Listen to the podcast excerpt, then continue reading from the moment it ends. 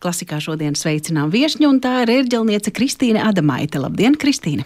Labdien, Ilze! Un klausītājiem versīsim uzmanību uz diviem skaistiem notikumiem nākamajā nedēļas nogalē. Sestdien vecajā svētās ģertrūdas baznīcā un svētdien Vēncpils koncerta zālē Latvija. Bet varbūt sāksim ar laika ziņā pirmo, un tas ir sestdienas vakars vecajā svētās ģertrūdas baznīcā.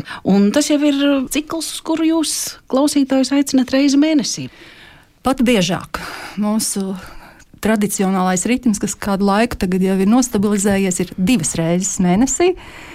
Pirmajā sestdienā un trešajā tas ir, ko mēs cenšamies tā regulāri. Kādreiz jau pārbīdās tie datumi, un, un šoreiz arī ir īpašs laiks baznīcā. Gan ciešana laiks, gan, gan baznīcas jubileja tiek atzīmēti. Ir, tie ir iemesli, kādēļ mūsu koncerts ar putniem būs 9. martā. Ja? Bet šī faktiski ir vēl viena tradīcija ar nesenu vēsturi, kas tomēr jau iezīmējas ar regularitāti, ka mēs šajos pirmajos marta datumos kopā ar ansambli Putni veidojam programmu, e, kuras centrā un pamatā ir izrādās neizsmeļams Hildegardas no, no Bingens e, mūzikas krājums. Un aizvien rodas jaunas ierosmes un jauni cilvēki, ko pamatā Antra iedomājas uzaicināt.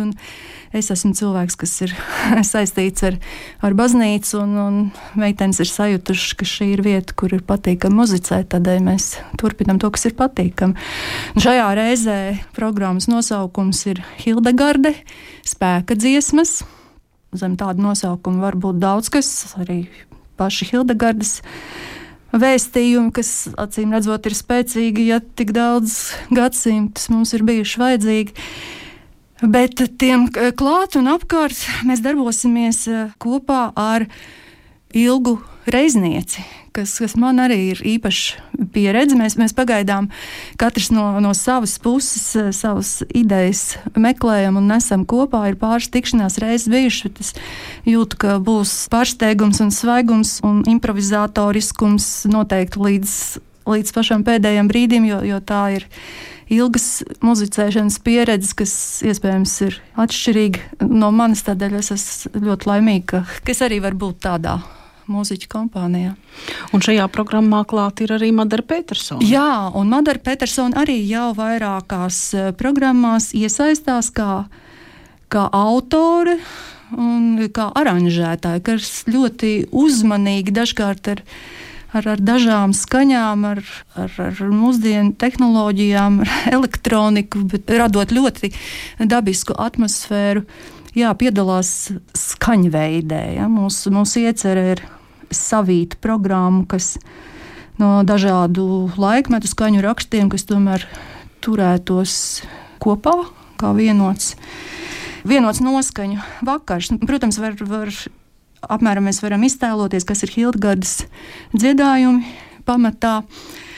Bet tiks pievienots uh, Madaras Petersons skaņu raksts un Ilga Reizniece ar, ar saviem instrumentiem, gan, gan viola, gan kokla, gan viņas suģestējošā balss. Un uh, kas šajā reizē īpaši saistoši, ka arī no latviešu tautas mūzikas senākajiem apcirkņiem. Es zinu, ka ilgreiznieks sevišķi ir meklējis Wolfganga eh, dārziņu. Aranžētajās miniatūrās. Lūk, tie būs avoti, kas satiksies. Un, un es ar ērģelēm no senas dienvidvācu mūzikas autors Antons Šrērers. Man, man līdz šim pavisam maz spēlēts, bet man šeit šoreiz ļoti iederās ar savu valodu. Un pārējā latviešu mūzika, Romalda Jērmaka miniatūra par aglonu. Andrejs Salītska, šūpuļdziesma, lūkšana šūpuļdziesma un lielāks opus no mūsu aktuālā jubilāra Riharda Dubras mūžīgo pakalnu ilgošanās. Ar ilgu reiznieci mēs kopā esam sagatavojušās aranžēt Andra Vītoliņa opusu, sūta savu gaismu patiesību. Ir zināms, ka viņš ir atbalstījis šādus pārlikumus, kad mēs spēlējam ar Artu Sīmanu diezgan līdzīgā līdzīga ideja bija, viņš, viņš to, to labprāt pieņēma. Cik ir nācies būt putnu līdzīgos koncertos un programmās, nekad to negribas nosaukt par vienkārši koncertu, bet par kaut ko vairāk. Tas it kā iziet ārpus tradicionālā koncerta žanra robežām, jo putni un pārējie mūziķi alaži rūpējas arī par īpašu atmosfēru, tā lai būtu arī gaismu partitūra, lai būtu dievnamā šī noskaņa mazdrusciņa atšķirīga no ikdienas.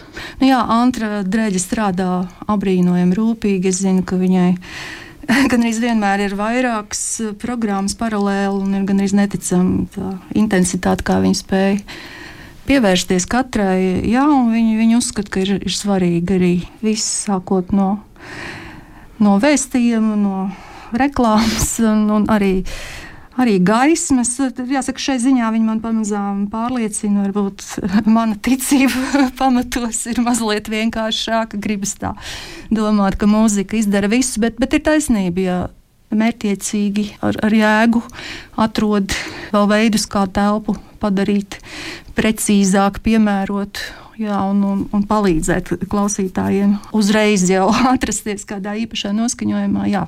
Katrā ziņā, ja to dara profesionāļi un sevišķi, kas regulāri sadarbojas tad ir vērts to darīt. Jā. Mazliet pastāstīt vairāk par autoru, kura mūziku spēlēsiet. Viņš ir dzimis 1631. gadā, tā lai mazliet iezīmētu 51 paudzes, 50 gadus pirms Baha, darbojies Dienvidvācijā, Ulmē. Un no viņa saglabājies nav daudz, bet tas nav nekāds pārsteigums, jo tajā laikmetā liels nepieciešamības nebija pierakstīt mūziku, jo ja tu biji profesionāls, tu savā darba vietā gāji un spēlēji.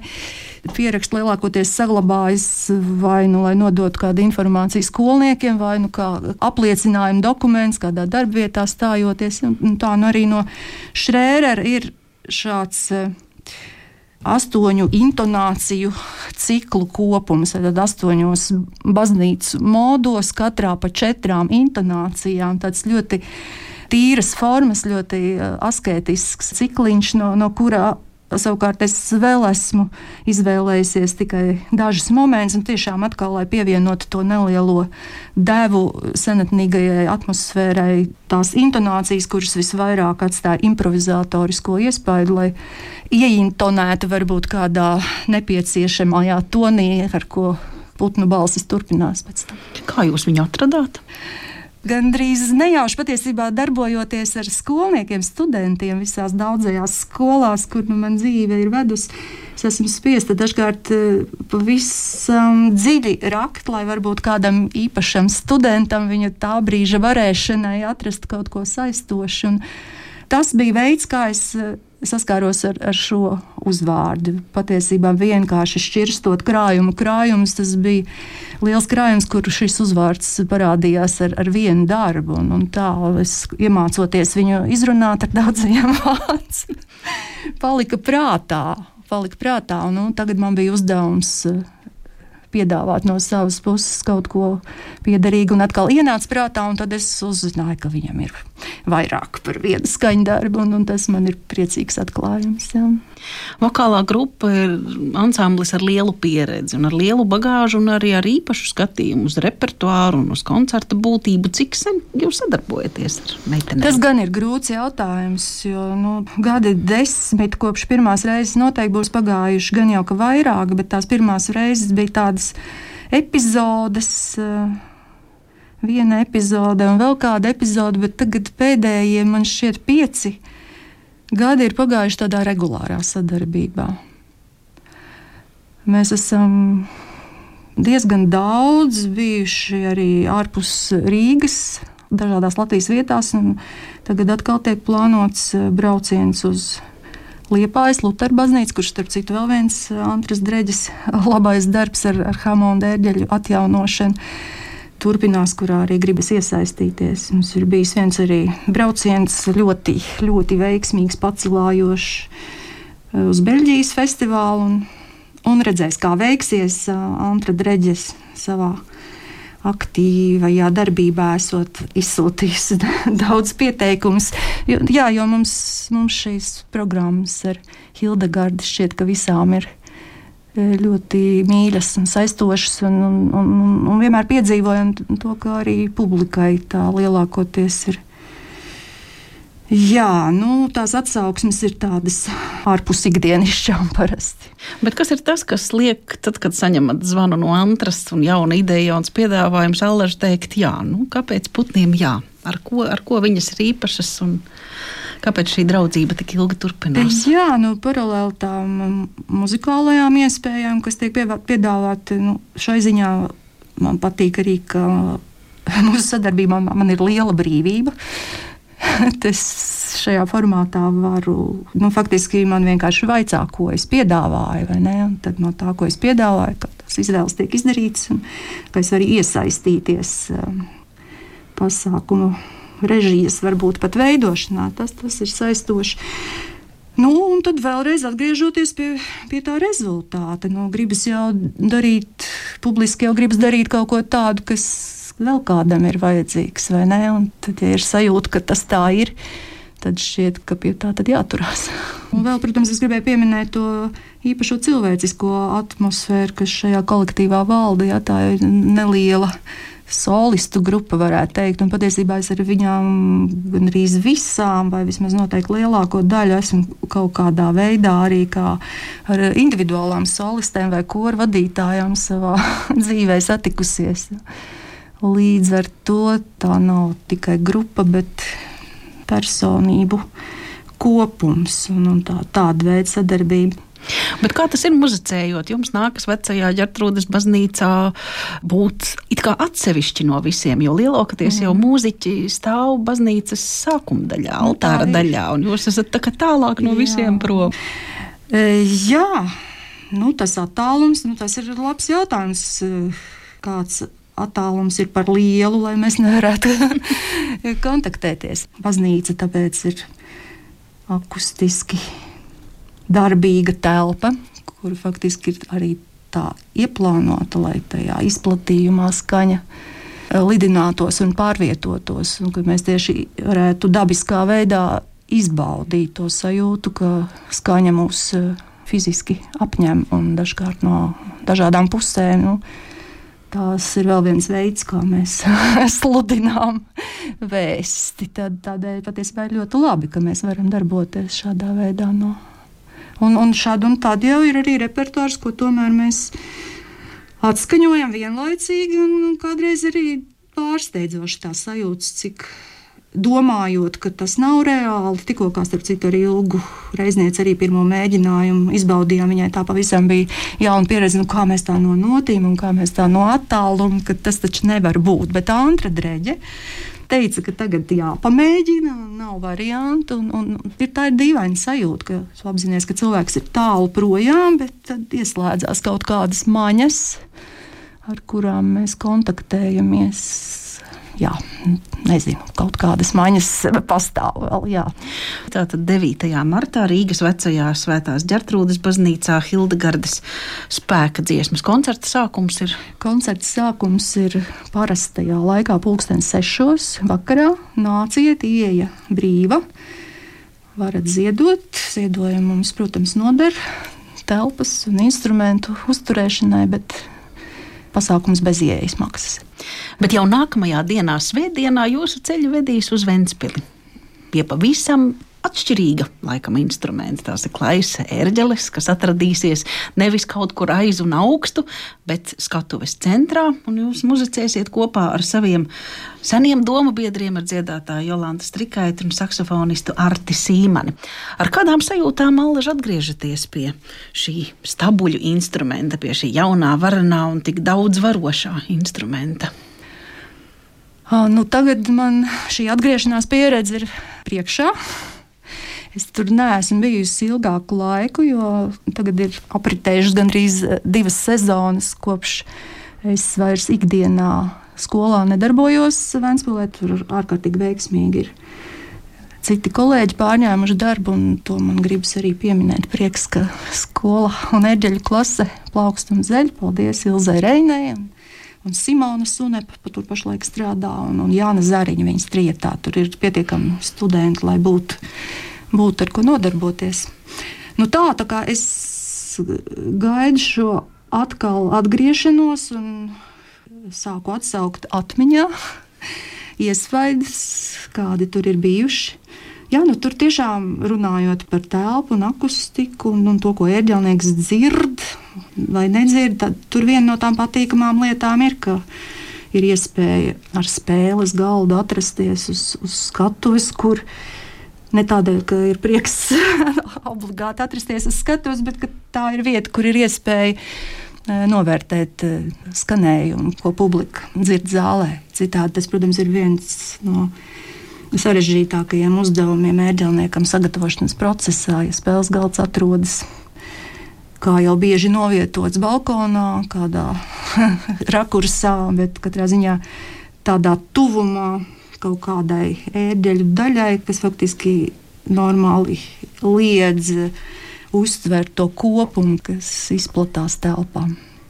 Nu, jā, tādēļ tagad man būs iespēja Es ceru, ka spēles galds būs uz skatuves, jo tur ir runājot par tām tehniskajām iespējām. Šie divi spēles galdi, otrs savukārt ir vērtīgs ar to, ka piedāvā audzēkņiem mehāniska traktūras sajūta, kas ir ļoti svarīgi sevišķi augot un veidojoties par mūziķi tā es, es ceru, ka būs patīkami, ka būs pietiekami daudz laika sagatavot visu. Un, ka mums būs prieks muzicēt nākošais nedēļa, un ka būs arī klausītāji, atkal, kam to vajadzēs svētdienām.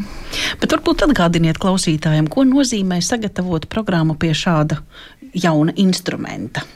Tas jaunums izpaužas eh, tehnoloģiju iespējās, kas caur, caur elektroniku dod iespēju katru, jebkuru kombināciju noglabāt, jā, saglabāt, ja tu pareizi to tehniski izdarīsi. Tad šīs kombinācijas saglabājas, lai, lai cik viņas būtu atšķirīgas viena no otras.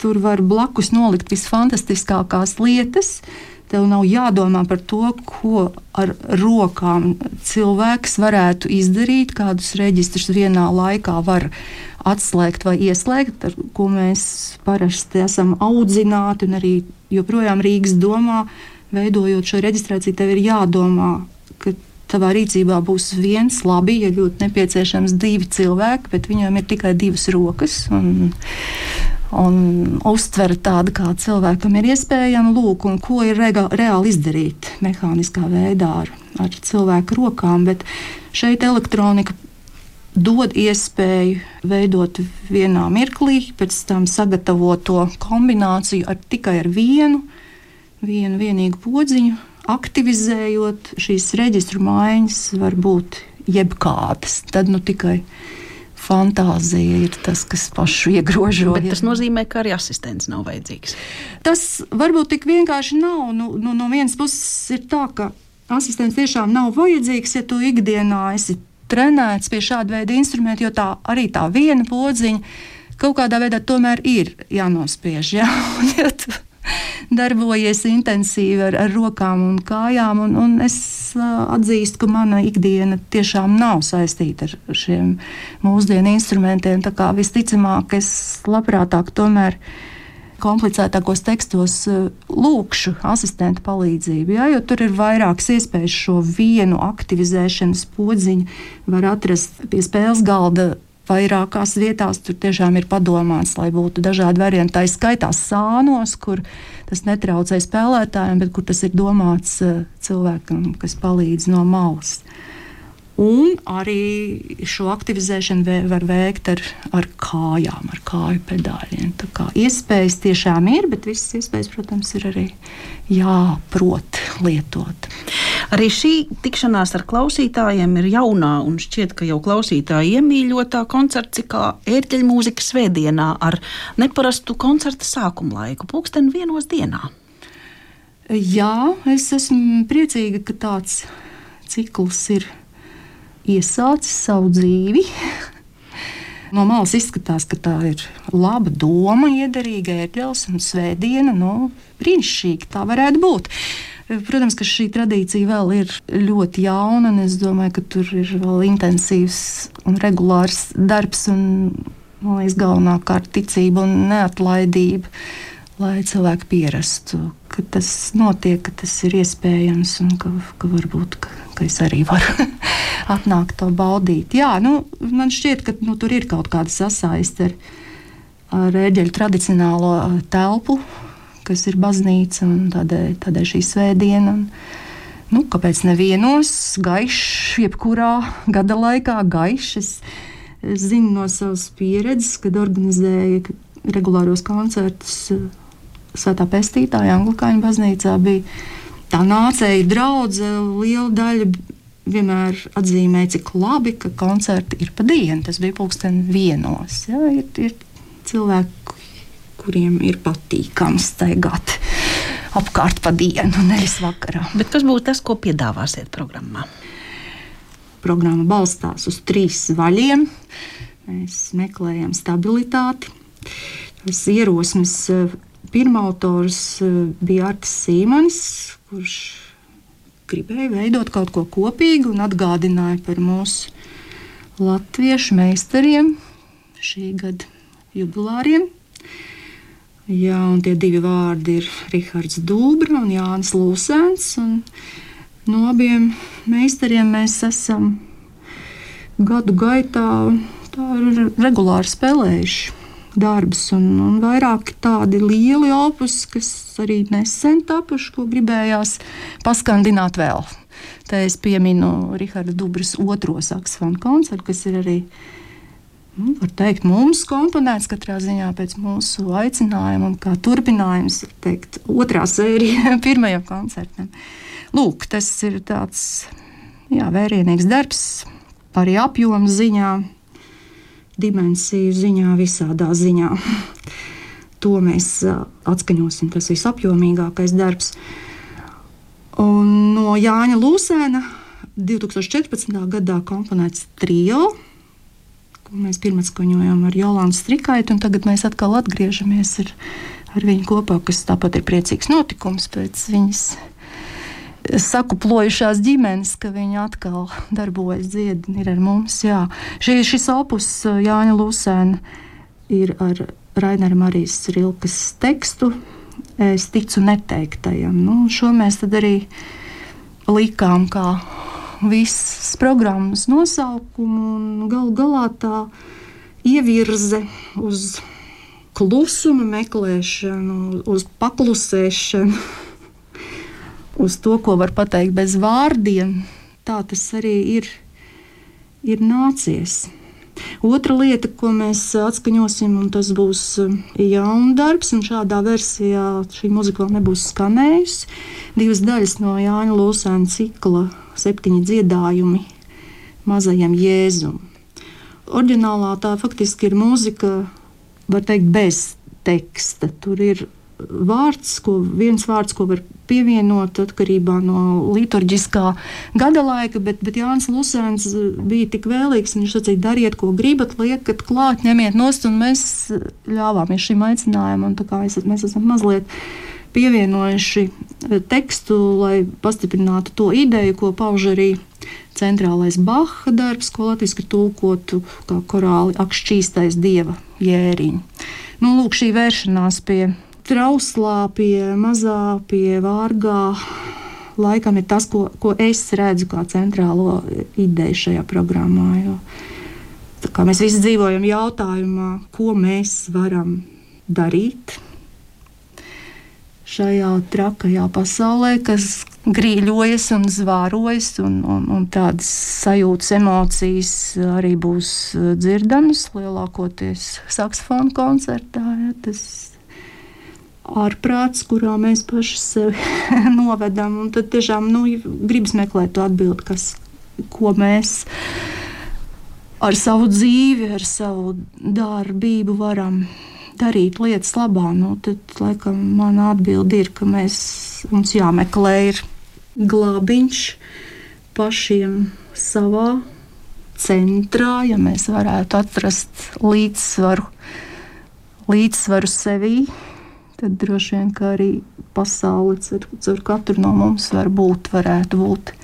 stabilāka. Un, nu, lūk, šis šīs dievjēriņš, tā ir gadsimtu tradīcija, pie kā mēs esam vērsušies. Tas trauslums, uz kura pleciem mēs uzliekam to smagumu, ko mēs paši nevaram nest.